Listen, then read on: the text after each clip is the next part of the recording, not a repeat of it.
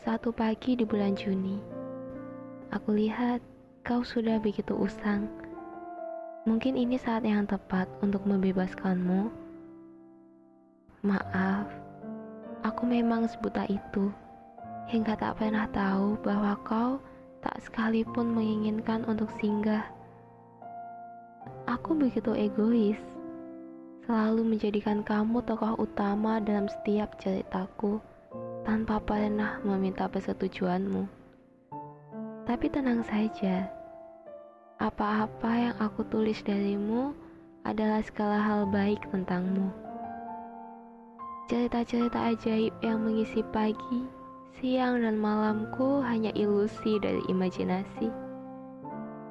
Kau tak pernah sebaik itu, tapi aku menganggapmu lebih baik dari pangeran di dongeng-dongeng Disney.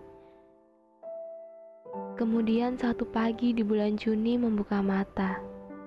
Sudah saatnya aku kosongkan satu bilik yang selama ini menguncimu dalam-dalam. Satu kotak yang ikut usang bersamamu. Yang selama ini menjadi tempat untuk semua imajinasi, tawa, sesal, dan air mata.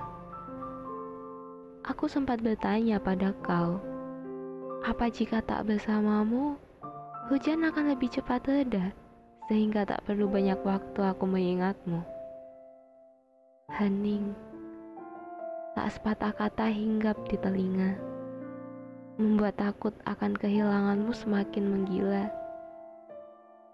Dan satu pagi di bulan Juni, satu suara yang entah datang dari mana mengetuk gedang telinga, membisikkan satu pesan yang semestinya dari dulu aku terima.